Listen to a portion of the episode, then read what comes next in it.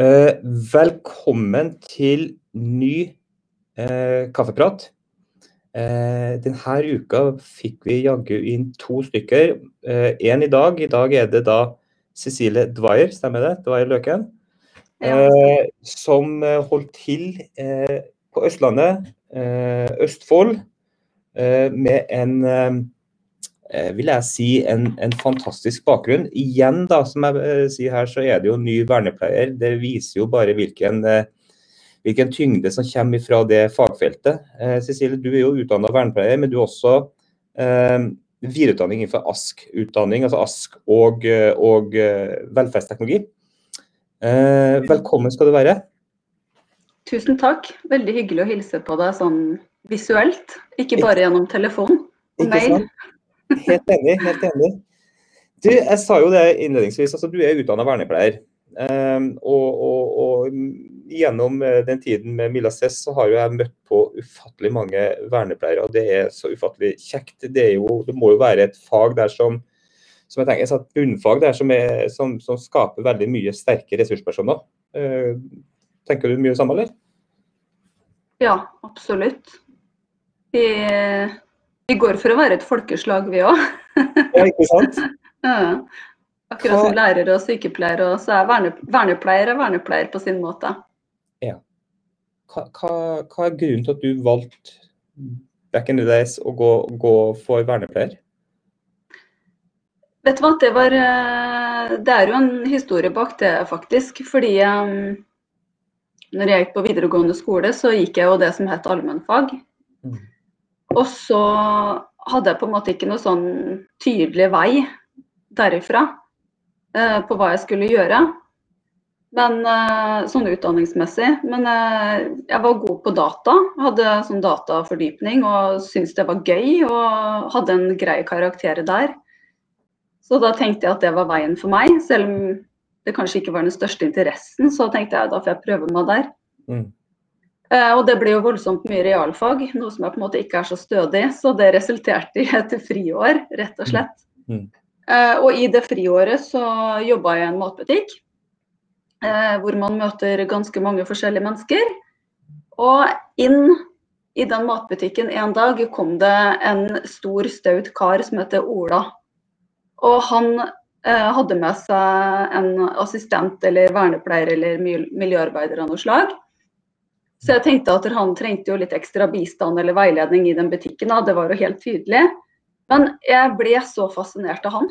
Mm. Og jeg tenkte hva kan jeg utdanne meg som som gjør at jeg kan jobbe med Ola? Ja. Eller mennesker som Ola. Ja. Og da gjorde jeg litt research rundt det, og, så, og jeg hadde lyst på en høyskoleutdanning, så da ble det vernepleier. Ja. Mm. Så det var rett og slett et, eh, tilfeldig møte på jobb i en, eh, i en matbutikk som gjorde at du fant ut at her ville du gjøre mer av? Eller her ville mm. du bli nysgjerrig på, da? Ja. Det verste er at jeg ble rørt av min egen historie, for det, det, var liksom så Det var så Han var så herlig. Ja. Og det, der er jeg fortsatt med dem jeg jobber med. De er bare vakre på innsiden og utsiden. Her og igjen. Men du, den tilbakemeldinga jeg får liksom, når jeg snakker med andre vernepleiere, veldig mange har en sånn tilsvarende historie, en breaking point, der de, de kommer gjerne i kontakt med noen som, som har en funksjonsnedsettelse, eller, eller, i den gata der, som, som gjør at mm. de blir nysgjerrig og har lyst. og Det er et eller annet der i hjertet da, tenker jeg, som, som gjør at du velger det faget. da. Absolutt. Det mm. var eh, et eller annet i hjertet som virkelig våkna. Det, eh, og jeg tenker mange vet ganske tidlig hva de har lyst til å gjøre. Kanskje gjennom det egne foreldre driver med, eller søsken eller bekjente. Men eh, jeg hadde ikke på den tida lyst til å jobbe med det samme som mine foreldre jobba med. Så, så, og det var heller ingen i vår nære, nære omkrets som jobba som helsepersonell, så det var på en måte noe, noe helt nytt. da. Ja. Uh, så det måtte rett og slett en sånn tilfeldighet til for at jeg skulle forstå at det var det jeg hadde lyst til å gjøre. Fantastisk.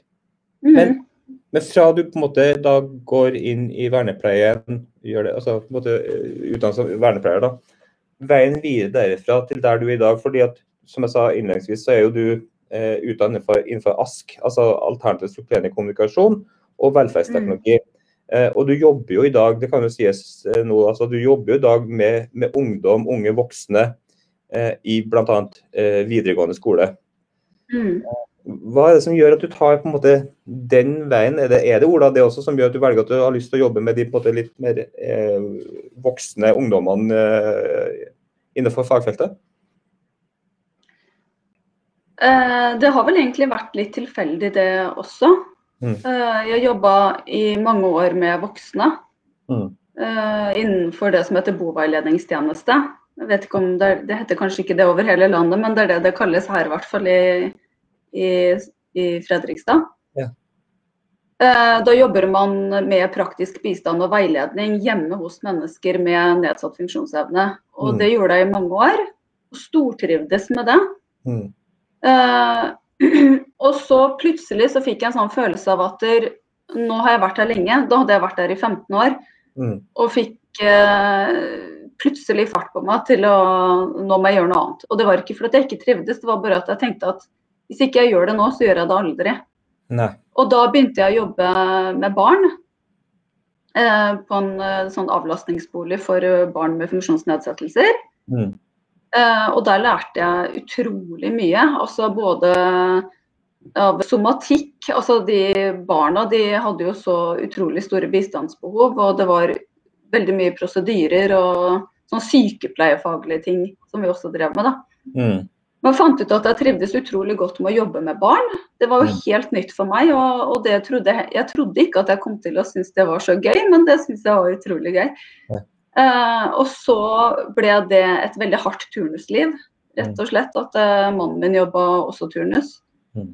Og når man jobber i en avlastningsbolig, så altså, de barna er jo ikke der på dagtid, de er der på kveld og helg. Så det kombinert med familieliv ble ganske tøft, da. Mm. Mm. Og da var, jeg så, da var jeg så heldig at jeg fikk jobb på en videregående skole, da. Eh, og, og det er jo nå fem og et halvt år siden.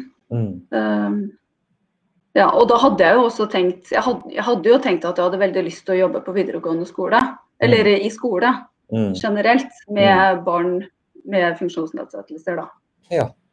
Så, og jeg kjente jo andre som jobba der, og ja, jeg hadde sikla litt etter en sånn stilling, eh, faktisk. Ja. Så når jeg fikk den, så må jeg bare si at jeg har ansett meg sjøl som utrolig heldig. Så bra. Mm. Så det var litt sånn tilfeldig det òg, at det var Ja, det gikk den veien. Ja, men det er jo ofte tilfeldigheter. Men alt bunner jo Mm. i, i Ola, da. Og, og, og da tenker jeg jo eh, er, det, er, det, er det i det stadiet her du på en måte da går over i videreutdanning innenfor ASK, da? Eh, ja, når jeg begynte å jobbe der, sånn, så var jo tegn til tale helt nytt for meg. Mm. Og når jeg gikk på vernepleierstudiet, det var, her var jo i, i, fra året 2000, Mm. Så hadde vi jo en god del om kommunikasjon. Men vi hadde altså, det var, Jeg kan ikke huske engang at vi hadde noe som het ASK Nei. i studiet. Det vet jeg at de har nå. Mhm. Uh, men vi hadde, om vi hadde det, så var det så lite. Mm. Så hele det fagfeltet alternativ og supplerende kommunikasjon, det var helt nytt for meg. Mm. Altså symboler og pekeprat og tegn til tale og alle disse kommunikasjonshjelpemidlene. Det var helt nytt. Mm. Så Men jo, så begynte jeg å jobbe med Eller da ble det veldig mye tegn til tale og sånne ting i skolen. Mm. Uh, og så begynte jeg å interessere meg mer og mer for det her, fordi at der, uh, vi skal jo alle få lov til å kommunisere. Ja. Og når jeg hører utsagn som at der, uh, eleven har ikke språk, Mm. Så vekker det noe i meg. Altså jeg blir jo sprø. Mm. Fordi de har jo et språk. Mm. Det er bare at de snakker ikke gjennom munnen, da, sånn som det du og jeg gjør. Ja. Så ja, nei, så da spurte jeg om jeg kunne få lov til å gå på det studiet, rett og slett. Og det fikk jeg lov til. Ja. Mm. Så, og, og da fikk jeg litt støtte fra jobben, sånn økonomisk. Og så eh, Fordi at det var jo et behov, som de sa.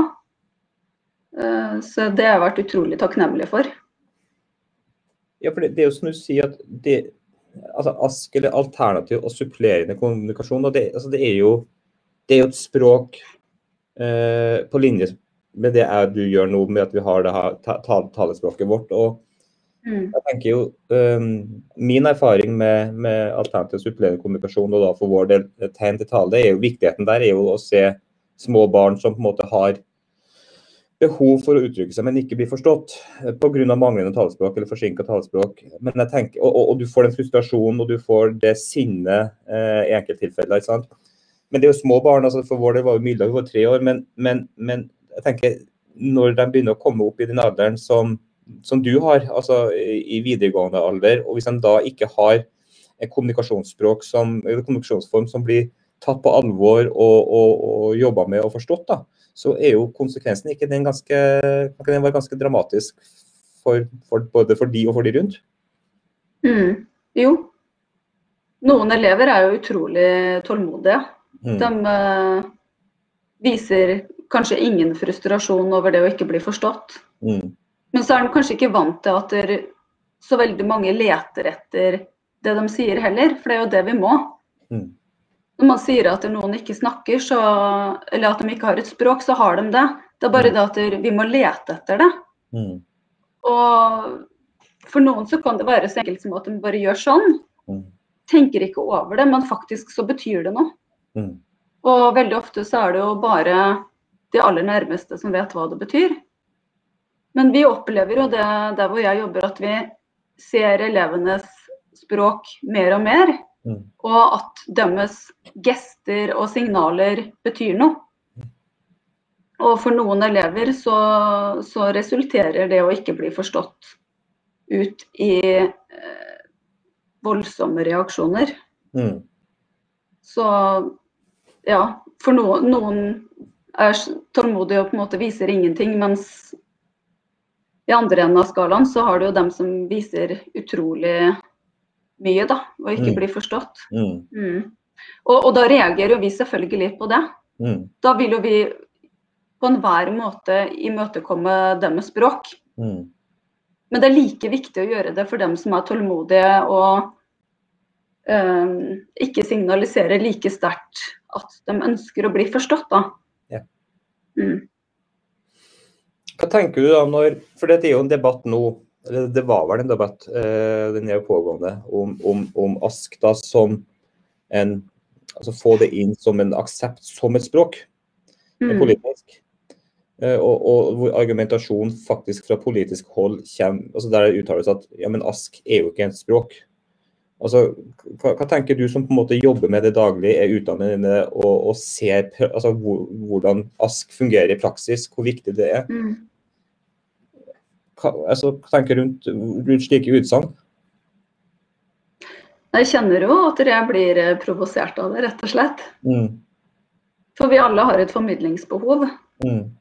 Og, men det er klart at Ask er Jeg vet Ask Det er jo på en måte mer enn ett språk. Det kan være mange språk. Ja.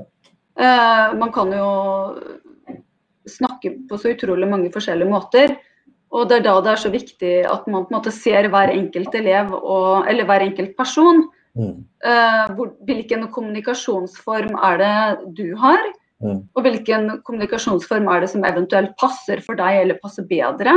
Mm. Hva kan vi bidra med for at vi skal forstå deg og du skal forstå oss? Uh, og det innebærer jo at vi på en måte må omstille oss utrolig mye mellom hver enkelt person. da. Fordi at Hos én elev så kan vi snakke med tegn til tale, vi kan også bruke verbalt språk. Mens hos en annen så må du rett og slett sette deg ned og tolke hver eneste lille eh, bevegelse. Mm. Eh, og det sier jo litt om at der, elevene har mange forskjellige språkformer. Og hvor man da kan si at ASK ikke er et språk, men mm. det er mm. mange språk. Ja. Mm. Men så har man jo også det um, døvespråk. Mm. Det heter ikke døvespråk, det heter noe annet. Tegnspråk. Tegnspråk. Ja.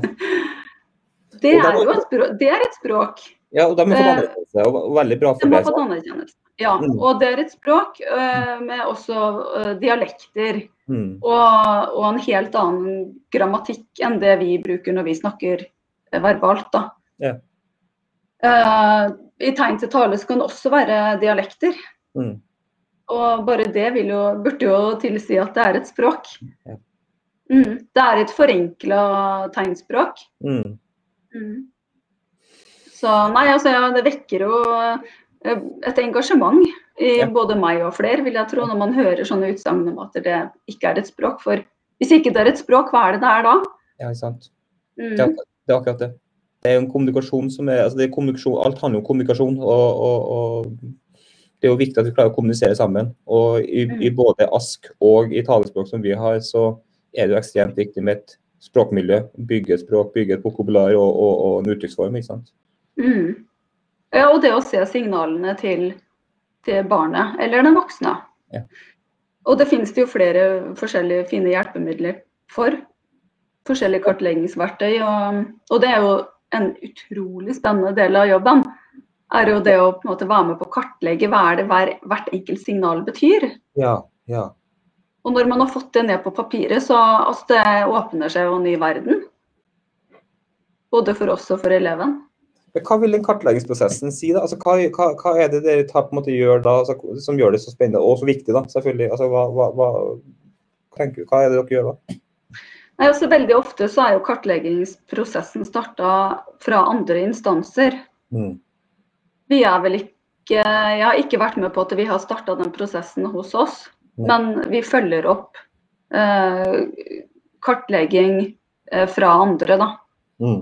Um, det kan jo f.eks. være Statped eller en ergoterapeut eller sånn som eller en annen person i, eller instans i ansvarsgruppa da, som på en måte har tatt initiativ til å sette i gang kartlegging. Mm. Um, og så følger vi opp med, med det vi uh, ser hos oss, da. Og når den kartlegginga er over og man har på en måte fått ned på papiret hva hvert enkelt signal og gest eh, betyr for personen, Mm. så gjelder det jo da bare følge opp på med alt det nye vi ser. Nye lyder, nye eh, håndbevegelser. Ja. Mm. Og så, viser det seg at det betyr noe, det òg. Altså, det er jo bare så gøy. Mm. Men Jeg har en elev som uh, hun jo, har redusert syn og har ikke noe talespråk. Og, og, og plutselig så bare bryter hun ut i en lyd. Og vi alle går rundt og lurer på hva er det det her betyr. Hva, hva er det her for noe?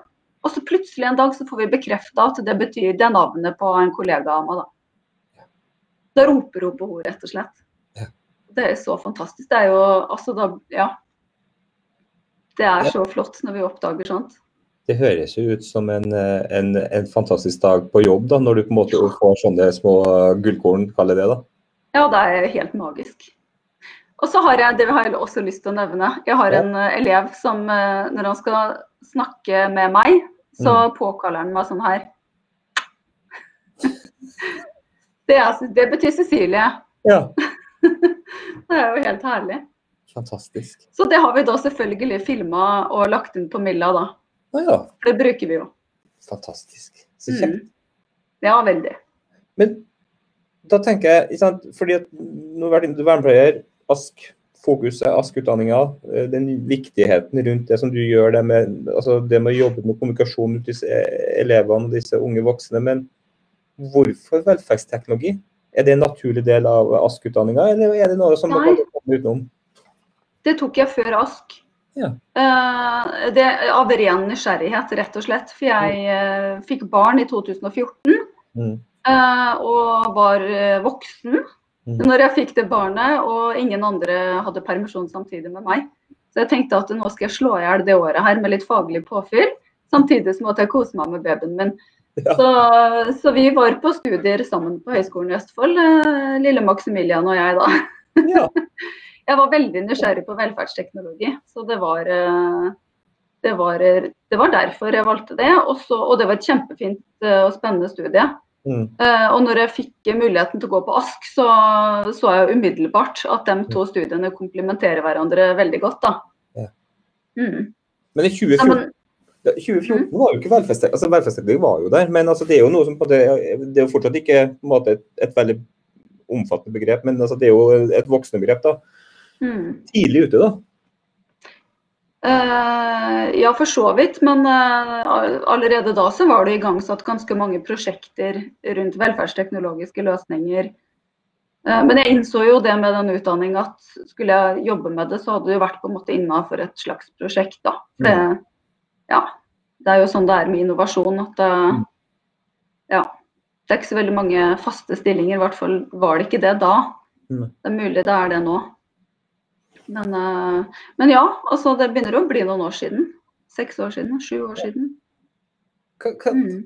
Hvis du ser på velferdsteknologi inn mot stillinga du har og det bakgrunnen du har, altså, hva, hva, tenker du er fordelene og ulempene med dagens velferdsteknologifokus? Eller er det noen ulemper og fordeler knytta til det å bruke velferdsteknologi? Ja, helt sikkert. Men jeg tenker sånn som uh, fordelene, så har vi jo utrolig mange forskjellige hjelpemidler å velge mellom. Mm. Når det kommer til, uh, til, det som jeg er opptatt av, som er kommunikasjon. da.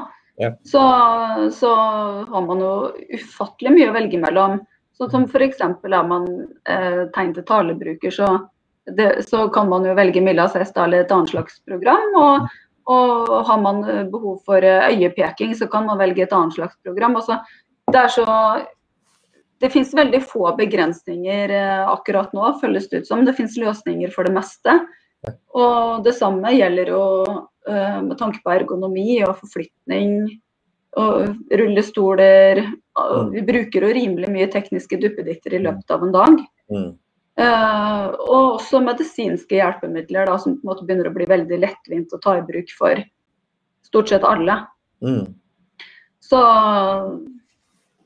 tenker at dere, når man har nedsatt funksjonsevne nå, så har man utrolig mye forskjellig å velge mellom. Ja. Og også til det når det kommer til, uh, til bolig, da. Det bygges jo ganske mye med livsløpsstandard og, og ja boliger som på en måte kan uh, hjelpe, da. Ja. Mm. Uh, ulemper sikkert veldig mange av dem også, men jeg vet ikke om jeg skal gå inn på det.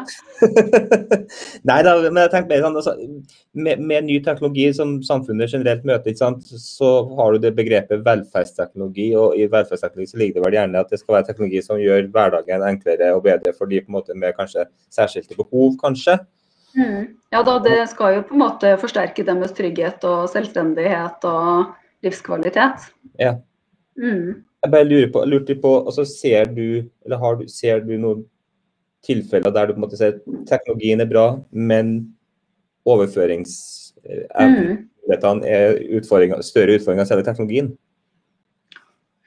Ja, altså jeg har jo sett eh, ganske mange eksempler på uh, at elever har kommet med kommunikasjonshjelpemidler som på en måte ligger langt forbi hva man kan mestre. Altså når jeg syns det er vanskelig å mestre det, så, så vil jeg jo ja, tro at det, og dem, det har jo vært vist i praksis at de, det har vært helt feil hjelpemiddel for dem. Ja. Um, og så finnes det også uh, en sånn noen ganger en splid mellom hva er det foreldrene f.eks. For tenker at barna skal lære seg å mestre, og hva er det vi mm. som fagpersoner ser kanskje kan være realistisk for eleven å mestre. Da. Så det er også på en måte en sånn ja, eh, noen samtaler vi må ta innimellom. Om vi kanskje skal revurdere det, eh, det aktuelle hjelpemiddelet f.eks.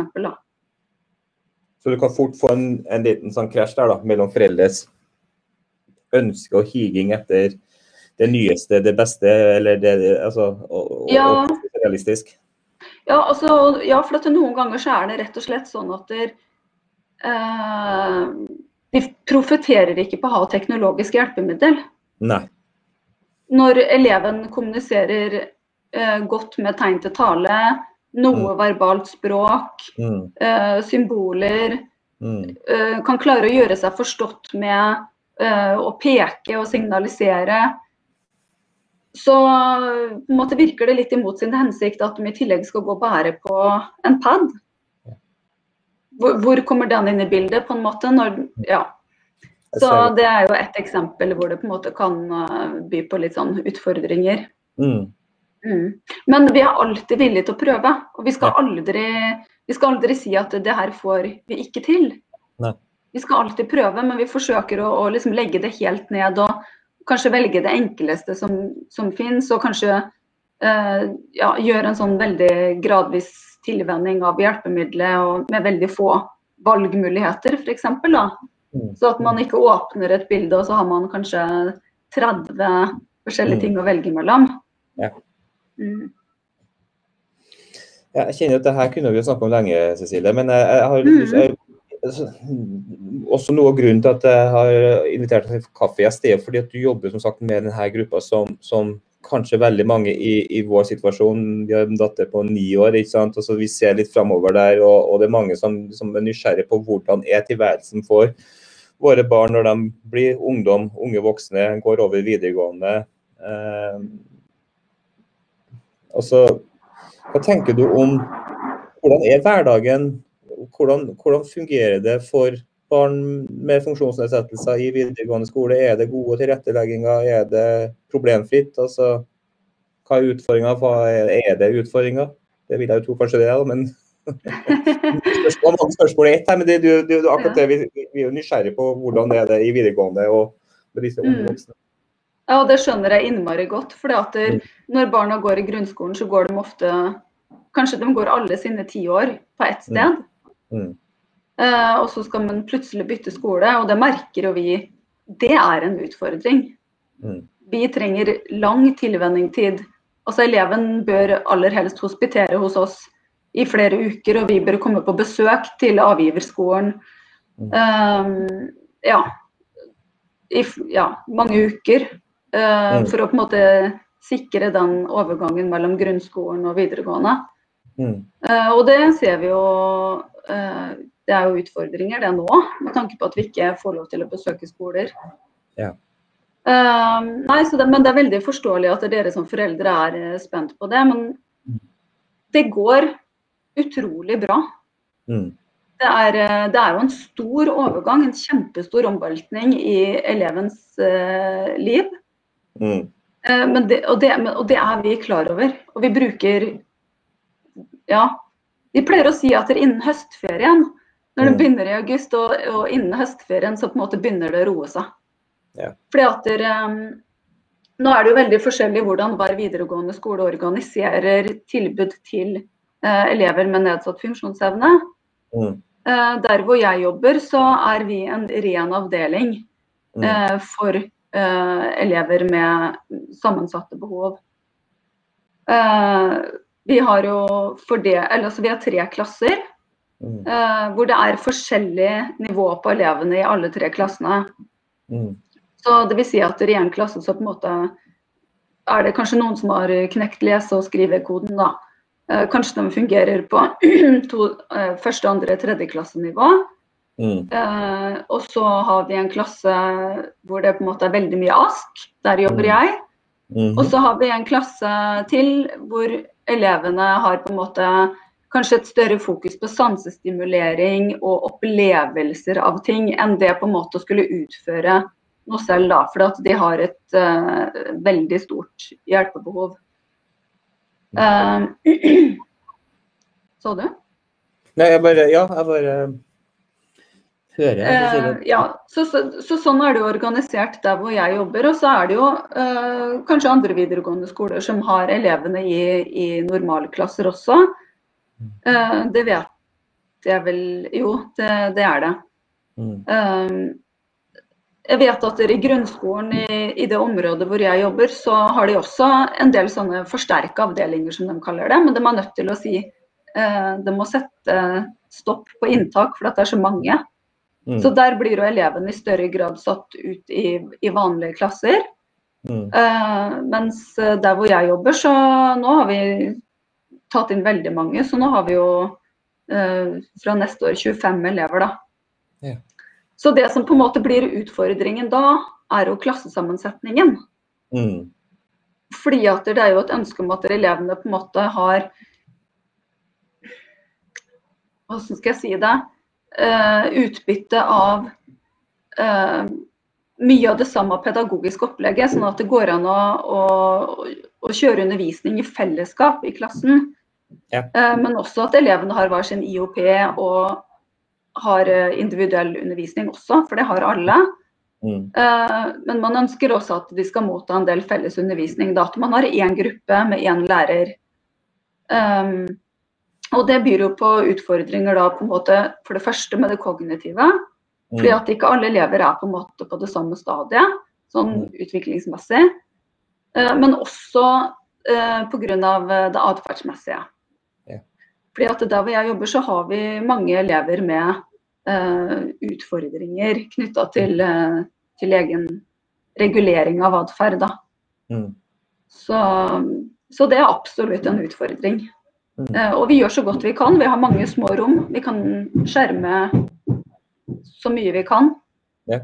Um, og noen ganger så skulle vi ønske at vi hadde flere rom også. Så, men vi er en veldig godt tilrettelagt avdeling. Vi har alt vi trenger av utstyr. Vi har stor plass, store rom. Mm. Uh, så ja. Men tenker du at nå skal ikke jeg på en måte, Du vet jo nødvendigvis ikke om, om hvordan det er resten av landet, men altså, tenker du at det er tilrettelagt nok i Norge eh, i de forskjellige kommunene, slik at alle som vil det, da, har muligheten til å få en god hverdag i videregående skole når vi er ferdig på en måte med grunnskolen? Ja, det jeg, jeg vil nok tro Ja, absolutt. Jeg, Ja. Men jeg vet at noen skoler har utfordringer knytta til eh, kanskje det fysiske miljøet. Mm. At det er eh, kanskje for trangt, for gammelt, for kaldt, for lite teknisk utstyr. eh, for lite eh, økonomiske ressurser til å, til å utbedre. Mm. Eh, men det er ikke bare de, de fysiske rammene som setter standarden for om eleven har det bra på skolen heller. Det er jo folka rundt. Um, og nå legger jeg merke til at alle elevene som søker inn hos oss, i papirene så står det alltid 'har ask'. uh, og det var ikke noe vi hørte like mye før. Men, uh, men nå er det et uh, mye større fokus på at elevene har eh, en form for alternativ og supplerende kommunikasjon. Um, og det vil jo da si at vi trenger mye mer kompetanse på det også. Og, og det håper jeg jo at det blir prioritert rundt omkring på de forskjellige skolene, da. Ja. Foreløpig så For nå gikk jeg ASK-studiet for to-tre år siden. Mm. Og da var det vel egentlig bare Høgskolen i Sørøst-Norge som tilbød det. Mm. Så det er, et viktig, stu- ja. det er et viktig studie å få lærere ut i, da. Ja. Men så finnes det utrolig mye bra digitale ressurser også, som man kan gå inn og Og vi oppfordrer også om det der hvor jeg jobber, at har, man en ledig stund, og kanskje eleven man skulle hatt den dagen uteble f.eks., og at man fikk plutselig masse tid til å sitte og lese seg opp på ting, Mm. så, så er det en ypperlig ting å gjøre. Å gå inn og lese eh, og ta de e-læringskursene og sånn som finnes på Mm. Statped. Ja. Mm. Jeg tenker Når dere får inn som skole hos dere f.eks. Hva, hva, hva Mm. mål, altså, vi vet jo hva målsettinga når jeg, du gikk på videregående skole. Det var jo at vi skulle på en måte få en utdannelse, en, et grunnlag til å velge videre utdannelse til en jobb, et eller annet. ikke sant? Mm. Eh, men hva er målsettinga deres? Eller har dere noen målsetting når dere får elever inn på videregående skole? Altså, det er jo så ekstremt individuelt. Mm. Eh, men vi har vår eh, timeplan eh, som eh, alle elevene får eh, tilbud ut ifra. Og så skriver man jo IOP-er ut ifra de timene. Eh, men vi vektlegger i stor grad hos oss kommunikasjon. Mm. Og det er som min leder sier, at vi er ASK. Mm. Det er det vi er. Mm. Vi jobber utrolig mye med det, og veldig mange av måla som står i elevenes IOP, handler om kommunikasjon. Mm. Eh, men en ting til som vi vektlegger veldig eh, sterkt hos oss, det er eh, deltakelse og valgmuligheter. Mm. At elevene i så stor grad som mulig skal få lov til å være med på å, å forme sin skolehverdag ut ifra de rammene vi gir dem. Mm. Og så har vi også eh, ganske mange mål som går på ADL-ferdigheter. Mm. Også de ferdighetene som eh, handler om det vi gjør i dagliglivet. Mm. Ta av og på klær, eh, smøre mat, gå på do. Mm. Veldig mange sånne ting som vi tar for gitt at vi kan. Mm.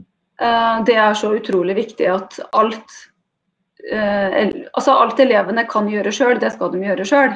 Ja. Og så kan vi veilede dem til å lære seg enda mer.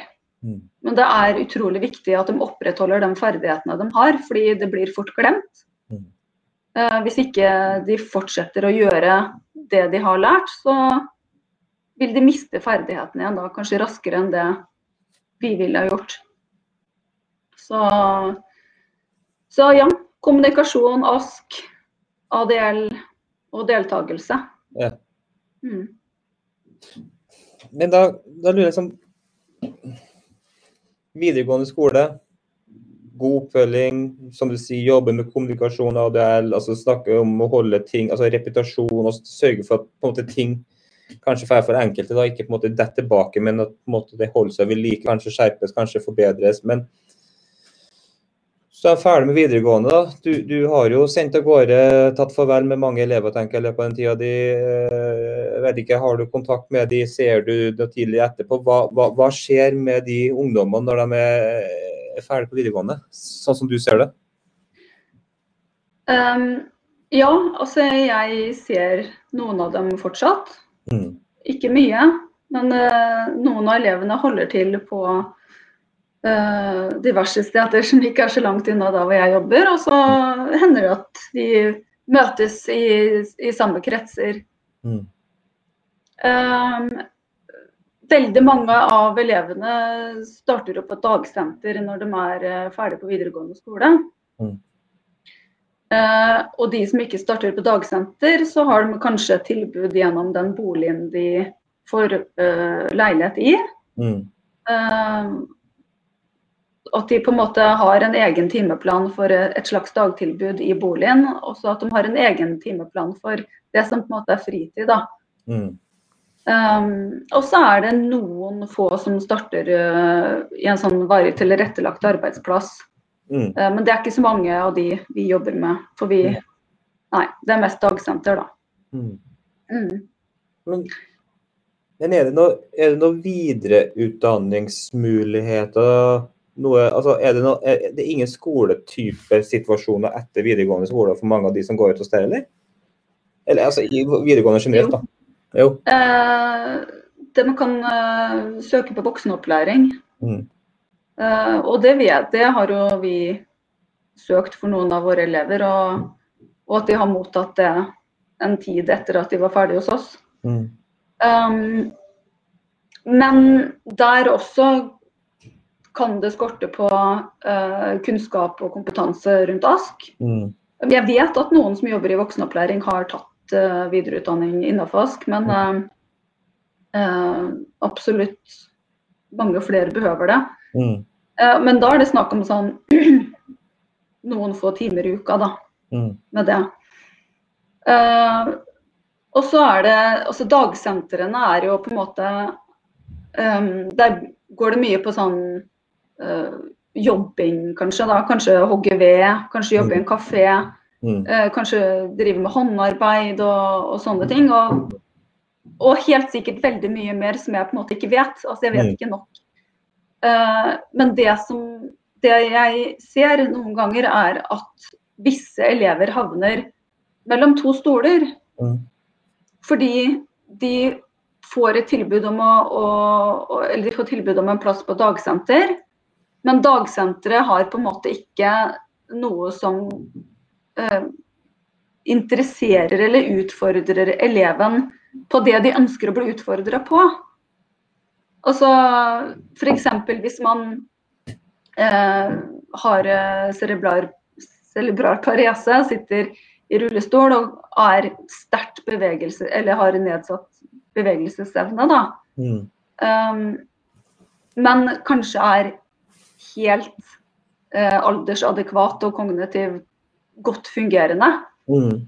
Eh, det er ikke mange tilbud, dessverre, eh, for de elevene. Og jeg har flere ganger tenkt at jeg skulle så innmari ønske at det fantes eh, et tilbud for eh, den brukergruppa. Mm. Og jeg har flere ganger tenkt at hvis jeg skulle gjort noe annet, så, så hadde det vært en drøm å kunne få lov til å, å eh, starte et sted som kunne ta imot de, de elevene som Altså, de er i så god utvikling når de går på videregående skole. Ja. Um, og utviklinga stopper ikke. Nei. Jeg er 41 år, jeg utvikler meg fortsatt. Mm. Eh, Jeg går fortsatt på skolen, jeg. Ja, det gjør det. Ja. Mens uh, når de uh, elevene er ferdige hos oss, så ja, da er de ferdige, da. Mm. Da er det ikke mer opplæring. Og selv om boligen på en måte skal drive med veiledning i forhold til ADL og sånne ting, så kunne jeg altså virkelig ønske meg et sted som på en måte var en forlengelse av skolen. da. Mm. Et uh, dagsenter eller et eller annet slags tilbud som på en måte kunne uh, fortsatt der hvor vi slipper. Mm. Og så er det veldig mange av uh, de elevene som altså de har foreldre som jobber veldig sterkt for at de skal fortsette å utvikle seg Mm. eh, etter skolen også. Så mange fortsetter og, og har stor fremgang både motorisk og kommunikativt og også på mange punkter. Mm. Men, eh, men det er ikke tilfellet for alle. Nei. Og det er så innmari synd at det skal på en måte stoppe når de er ferdige da, på skolen. Tenker du at eh, Tenker du at det blir sett på for mye i sekkepost, eller altså sånn i gruppe, i stedet for å se individet, sånn som du sier? For du har jo elever som du har det hele spriket fra den som kanskje har mest fokus på språk, noen på ADL og noen på, på andre ting. Men altså det, det, du, du, de må komme forskjellig i, i livet, eh, og noen vil som du sier, videre og har behov for å gå videre. Men de blir Mm. kanskje gjerne da putta inn en, i, en, i en gruppe som gjør at her skal dere, uansett. Altså, Mm. det er, er det det gapet du på en måte kunne tenkt deg å jobbe med? da? Ja, også et mye større individfokus. Mm. For når de kommer i den gruppa og skal kanskje lage og produsere ting eh, og sånne ting, så det er ikke alle som er interessert i det. Nei. Og, men det, det er klart at det går jo på ressurser, ikke sant. I skolen, Mm. der har de én til én. Alle elevene hos oss har én voksen sammen med seg hele dagen. Og så kommer læreren oppå det igjen. Mm. Så når de begynner på dagsenter, så har de jo veldig ofte ikke en sånn type bemanning, da. Ehm, med mindre de får vedtak på det, men det er jo kanskje ikke så ofte, da. Um, så jeg forstår at det er veldig vanskelig å se det, eller å på en måte lage en sånn individuell eh, hva skal jeg si, opplæringsplan innenfor et dagsenter da, Mm. for hver enkelt. Og så skal det følges opp til punkt og prikke. Mm. Jeg forstår at det er vanskelig ut ifra de ressursene de kanskje har. Ja, men er det ressursene, tenker du? Eller er det holdningene? Altså ikke, Da snakker jeg ikke til de som jobber på dagsenter, men holdningene i systemet. Altså, fordi det er jo tydeligvis et gap. tenker jeg, sånn som du beskriver, så er det et gap mellom fra videregående til altså det neste er på en måte dagsenter, men det er jo noen som trenger noe annet. Mm, Behov for noe annet og Ja. lyst på noe annet. mm. Ja, ja også, men det vet jeg altfor litt om. øh, Hva slags øh, tankegang som ligger bak øh, gjennomføring av aktiviteter og gjennomføring av dagen på et dagsenter. For jeg har Mm. aldri jobba på den måten før. Nei. Så jeg skal ikke bevege meg så veldig ut på den tynne isen der. Nei, nei. Um, men det kan nok godt hende at det er en uvant tankegang. At man skal, at man skal tenke pedagogisk inn i dagsenteret f.eks. Det vil jeg tro at det er. Uh, vi er ikke der. nei. Det er ikke sikkert vi noen gang kommer dit heller, men det er en tanke jeg har hatt som jeg tenkte at det, det, det, den gikk jeg bar på som babyen min en god stund. At det, det var noe jeg virkelig hadde lyst til å sette ut uh, i livet. Mm. Mm. En forlengelse av skolen. En forlengelse av skolen. Ja, nå skal ikke jeg skal ikke arrestere deg eh, eller, eller, eller området ditt, men altså, jeg, jeg bare husker tilbake i tid. Jeg er jo generelt engasjert i, i, i, i mennesker med, med psykisk nedsetting, med funksjonsnedsetting. Eh, Men det var én sak som på en måte, og som jeg syns illustreres litt av det du sier. da, og en sak som jeg husker som beit seg veldig fast i hjertet mitt, og det var jo den saken som var i jeg tror det var Halden. eh, og, og det var det bakeriet, eller konditoriet. Som jeg bare husker, Der var det jo tre voksne eller ungdommer som på en måte hadde klart å ordne seg en egen jobb. De hadde, de hadde valgt en interesse til å drive butikk. da, altså drive Mm. næringsliv, Sånn som, sånn som eksempel jeg gjør. da, Egen, egen sjappe der jeg står for drift og inntekt og utgifter og hele pakka. Men hvor Og du må arrestere meg hvis jeg tar feil, men jeg mener jeg husker at det var pga. Eh, en, en BPA-løsning som ikke eh, eller VPA-løsning som ikke på en måte gikk i orden politisk eller økonomisk eller eh, i den gata der. som skrinla da deres, disse tre ungdommene sin, sin, sin, ønske og drøm om å drive egen butikk og utvikle seg selv. og da ble det på en måte Alternativet ble på en måte da tilrettelagt arbeid. Altså rett og slett her skal du være. Om du mm. liker det eller ikke. Nå tar jeg jo munnen litt full her, da, men altså, det blir jo på en måte sånn de ville dit. De ble plassert der pga. at det mangla noe mm. økonomisk, politisk, administrativt. Jeg, jeg, har ikke kjennskap til den saken. Nei. Uh, men det er jo et kjent faktum at der, uh, her har uh, her har brukere fått innvilga BPA-ordning, altså brukerstyrt personlig assistanse, mm. for så å bli fratatt igjen. Mm. Så det har jo vært et enormt fokus på det her i Nedre Glomma-regionen en god stund. Ja. Mm. Og, og, og, og andreplasser, jeg vet, altså Nå skal ikke vi ta noe i ditt distrikt, men det var bare den, jeg bare husker veldig godt den historien. i forhold til det, For det her er jo det jeg brenner litt av i, da, er jo det der med så akkurat som du sier, at det må være individuelle muligheter for å kunne få lov til å gjøre og utvikle seg videre eh, mm. på det du har lyst til. Absolutt. Og hvis det innebærer at man må ha en assistent hele dagen, så skal man ha det. Mm. Kan, det, kan, mm. det være, kan, kan, det være det missing linket som vi snakker om? Altså at det er for dårlig den, altså den BPA-ordninga er ikke satt nok. Nå, jeg kan ikke noe om BPA, men altså, for meg virker For det er jo varm potet. I, mm. Det er jo overalt, denne det her BPA-ordninga. Mm. Uh, ja, altså det er jo et økonomisk spørsmål, det også. Akkurat mm. som alt annet, mm. så er det det det avhenger av også.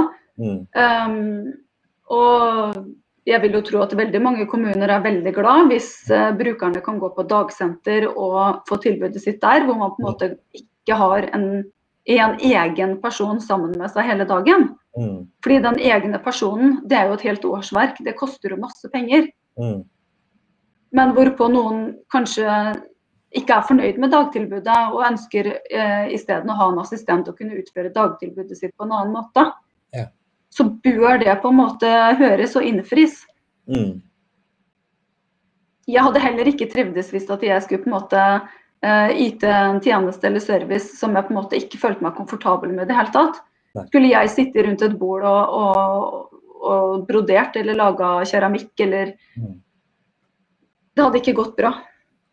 Nei, altså, jeg, kan jo, Vi kan jo bare bestemme oss for at ikke vi vil. Uh, og så kan vi gå og finne noe annet hvis vi har kvalifikasjoner. Hvis vi ikke har kvalifikasjoner, så kan vi som du gjør nå, da, altså, du videreutdanner deg innenfor uh, praktisk pedagogikk. ikke sant? Eller, altså, du, du, måte, du, vi, vi, har valgfriheten fordi vi bestemmer oss sjøl. Mm. Og det er jo den valgfriheten jeg mener de som du på en måte tar avskjed med når de går ut eh, videregående, også skal ha. da. Mm. Så, for dere gjør en sinnssykt viktig jobb de årene de, dere har dem. På en måte som alle lærere jobber med i videregående skole, er å forberede dem på liv, voksenlivet. Det er jo det mm. dere gjør også. Mm.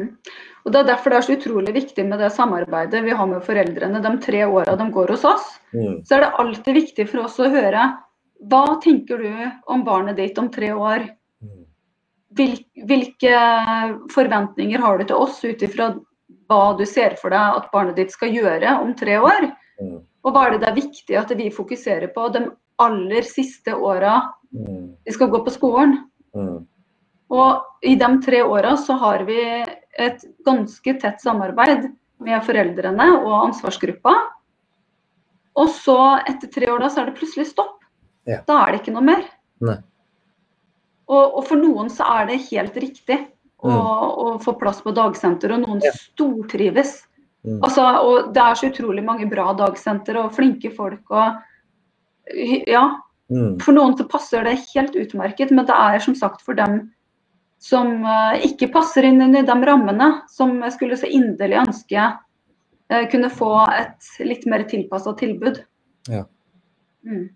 Ja, for den, den, tror, den, tror, jeg er viktig, det du sier her. og Det er jo noe jeg kjenner på også. Altså, det er jo det, du er helt riktig. Du, du, du, må jo jobbe ut ifra forventninger, forutsetninger og, og ønsker. ikke sant? Mm. Eh, og som sier, så har de det, det, er et dagsentertilbud, det er helt topp. Og det er Mm. utviklende nok, og det er, det er viktig nok. Men det som du sier, det er, du må se individuelt på hver elev du har som du, som du har på skolen videre vei. Ikke sant? Den jobben der er jo Mm. kjempeviktig. Veldig, veldig viktig.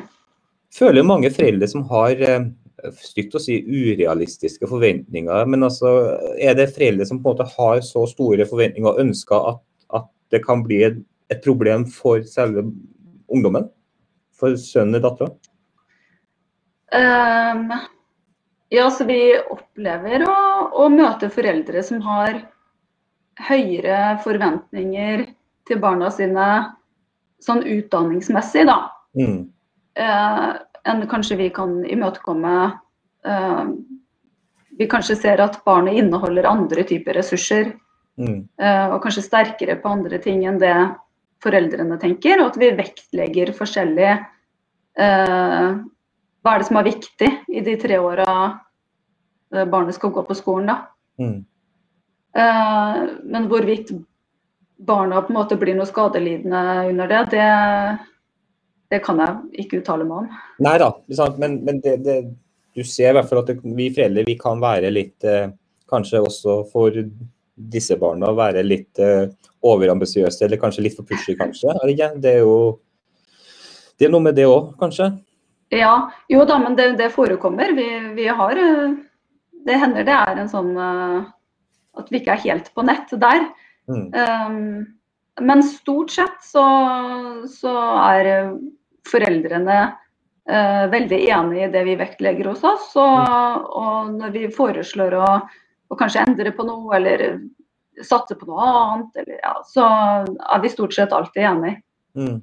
Mm. Men vi har veldig mye samarbeid med foreldrene i, uh, når de går på, på videregående skole. Ja. Mm.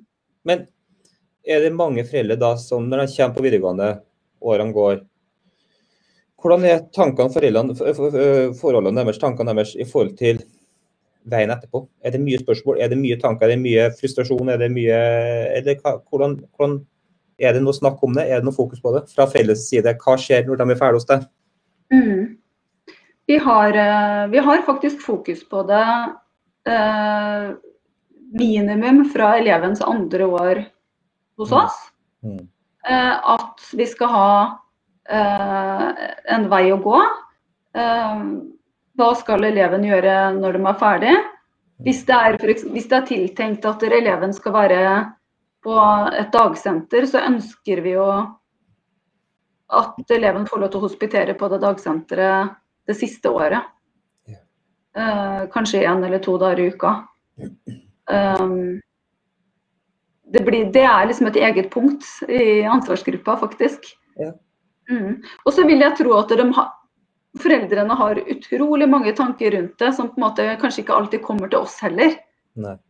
For vi er på en måte uh, Vi er der vi er. Og, så, og det å skaffe den plassen som Mm. eleven skal ha etter skolen, det er jo opp til kommunen, Mm. og ikke oss, da. Uh, men vi er jo alltid med på å uttale oss om hva eleven eh, Hva som kan passe best for eleven, da. Mm. Mm. Blir dere hørt? Føler dere blir hørt? Altså, ikke til foreldrene selvfølgelig, men altså deres anbefalinger på, på, på vei videre? Ja, absolutt. Ja. Og, altså, og i, de aller, i de aller fleste tilfellene så tror jeg vi alltid er ganske enige. Mm. At vi på en måte ser eleven med de samme brillene, Mm. både foreldrene og vi. Mm. Jeg har mye, mye mer jeg vil prate om, eh, Cecilie, men jeg ser jo den tida. da, Vi har jo holdt på en time nå. Eh, Men, eh, men er bare sånn avslutningsvis, vi har jo vært litt innom det, men til en far som meg, da, med datter på ni år med, med Downs syndrom f.eks., og, og andre foreldre med barn med funksjonsnedsettelser, som om en gitt tid skal måtte ha sine barn inne hos deg eller videregående skole. Har du noe, har du noe råd, noen tanker, hva vi bør ikke bør fokusere på eller tenke på? Jeg tenker at det å komme i gang med samarbeidet med en gang er kjempeviktig. Mm. Det å kunne avklare forventninger. Mm. Hvilke forventninger er det foreldrene har til eh, skolen og vi som jobber der? Mm. Og hvilke forventninger, er det, eller hvilke forventninger har vi Mm. til foreldrene? Hva er det som er viktig for oss for at det skal fungere bra, og motsatt? Mm. Um, og det er mye bedre å spørre og kommentere underveis enn det å gå og bære på uh, f.eks. Ja, noe man skulle ha tatt opp, da. Mm. Um, og så, altså Nå har jo vi et godt samarbeid med stort sett alle foreldre, men det, det er alltid greit å tenke over hvordan man formidler sine ønsker og behov uh, også til skolen, da. Mm. Det er viktig. Mm. Og så at man på en måte kan uh, opparbeide og opprettholde et godt samarbeid. Mm. For vi ønsker jo alle det samme for eleven og for barnet. Det er jo god utvikling og høy grad av trivsel. Ja, den tror jeg er viktig. Altså det, den, den der må vi som foreldre alltid huske. Altså Vi vil det samme. Eh, om du, om du jobber, Vi møter dere som jobber videregående, ungdomsskole, barneskole, barnehage. Mm. Det er rivende dyktige mennesker som, som sitter på andre enden og som ønsker som du sier, vi ønsker jo det samme. Vi ønsker jo ditt Ja. barn skal utvikle seg og få ha det bra. og Være lykkelig Mm. og, og, og, og harmonisk. ikke sant? Og så er det sånn at de menneskene som jobber på en sånn type avdeling som jeg jobber på, da, Mm. eh, de elsker den brukergruppa. Mm. Og det er, en, altså det er jo en brukergruppe som er utrolig Altså hver elev er så eh, forskjellig fra hverandre, akkurat som det vi er. Mm. Um, og noen har eh, atferdsmessige utfordringer, andre har det ikke. Andre har helt andre typer utfordringer. Men det vi alle har til felles, er at vi tåler elevene.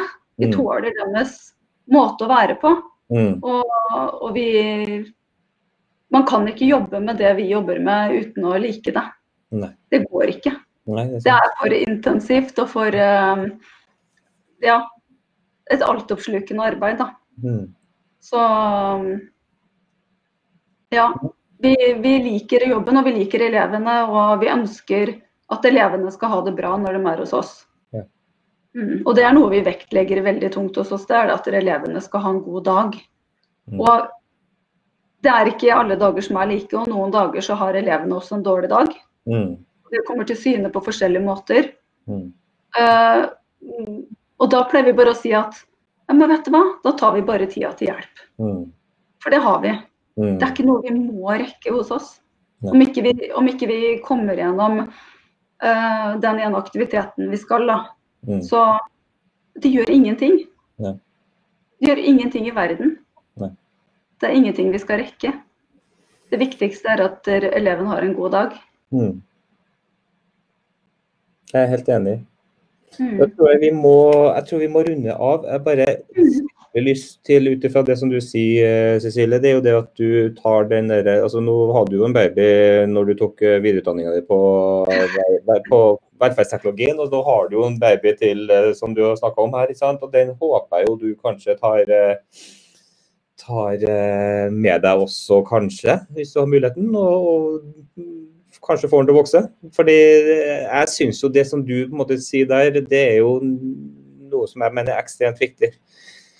Ta, den, eh, ta tak i det gapet der mellom videregående og, og dagsenter, eller altså ja, den, den Mm. individualiteten, da. Mm. Og alle skal ha tilbud de er komfortable med. Mm. Mm. Tusen takk for at du tok deg tid. Eh, Takk for at du ville ha meg på besøk. Ja, sant. Neste gang så håper jeg vi ikke er i en situasjon som gjør at vi må sitte med PC mellom oss, men at vi kan i hvert fall ta en, en kaffe ved et bord også. Enig. Ikke sant? Tusen takk, Cecilie. Og så får du ha en fortsatt fin dag. I like måte. Ha det godt.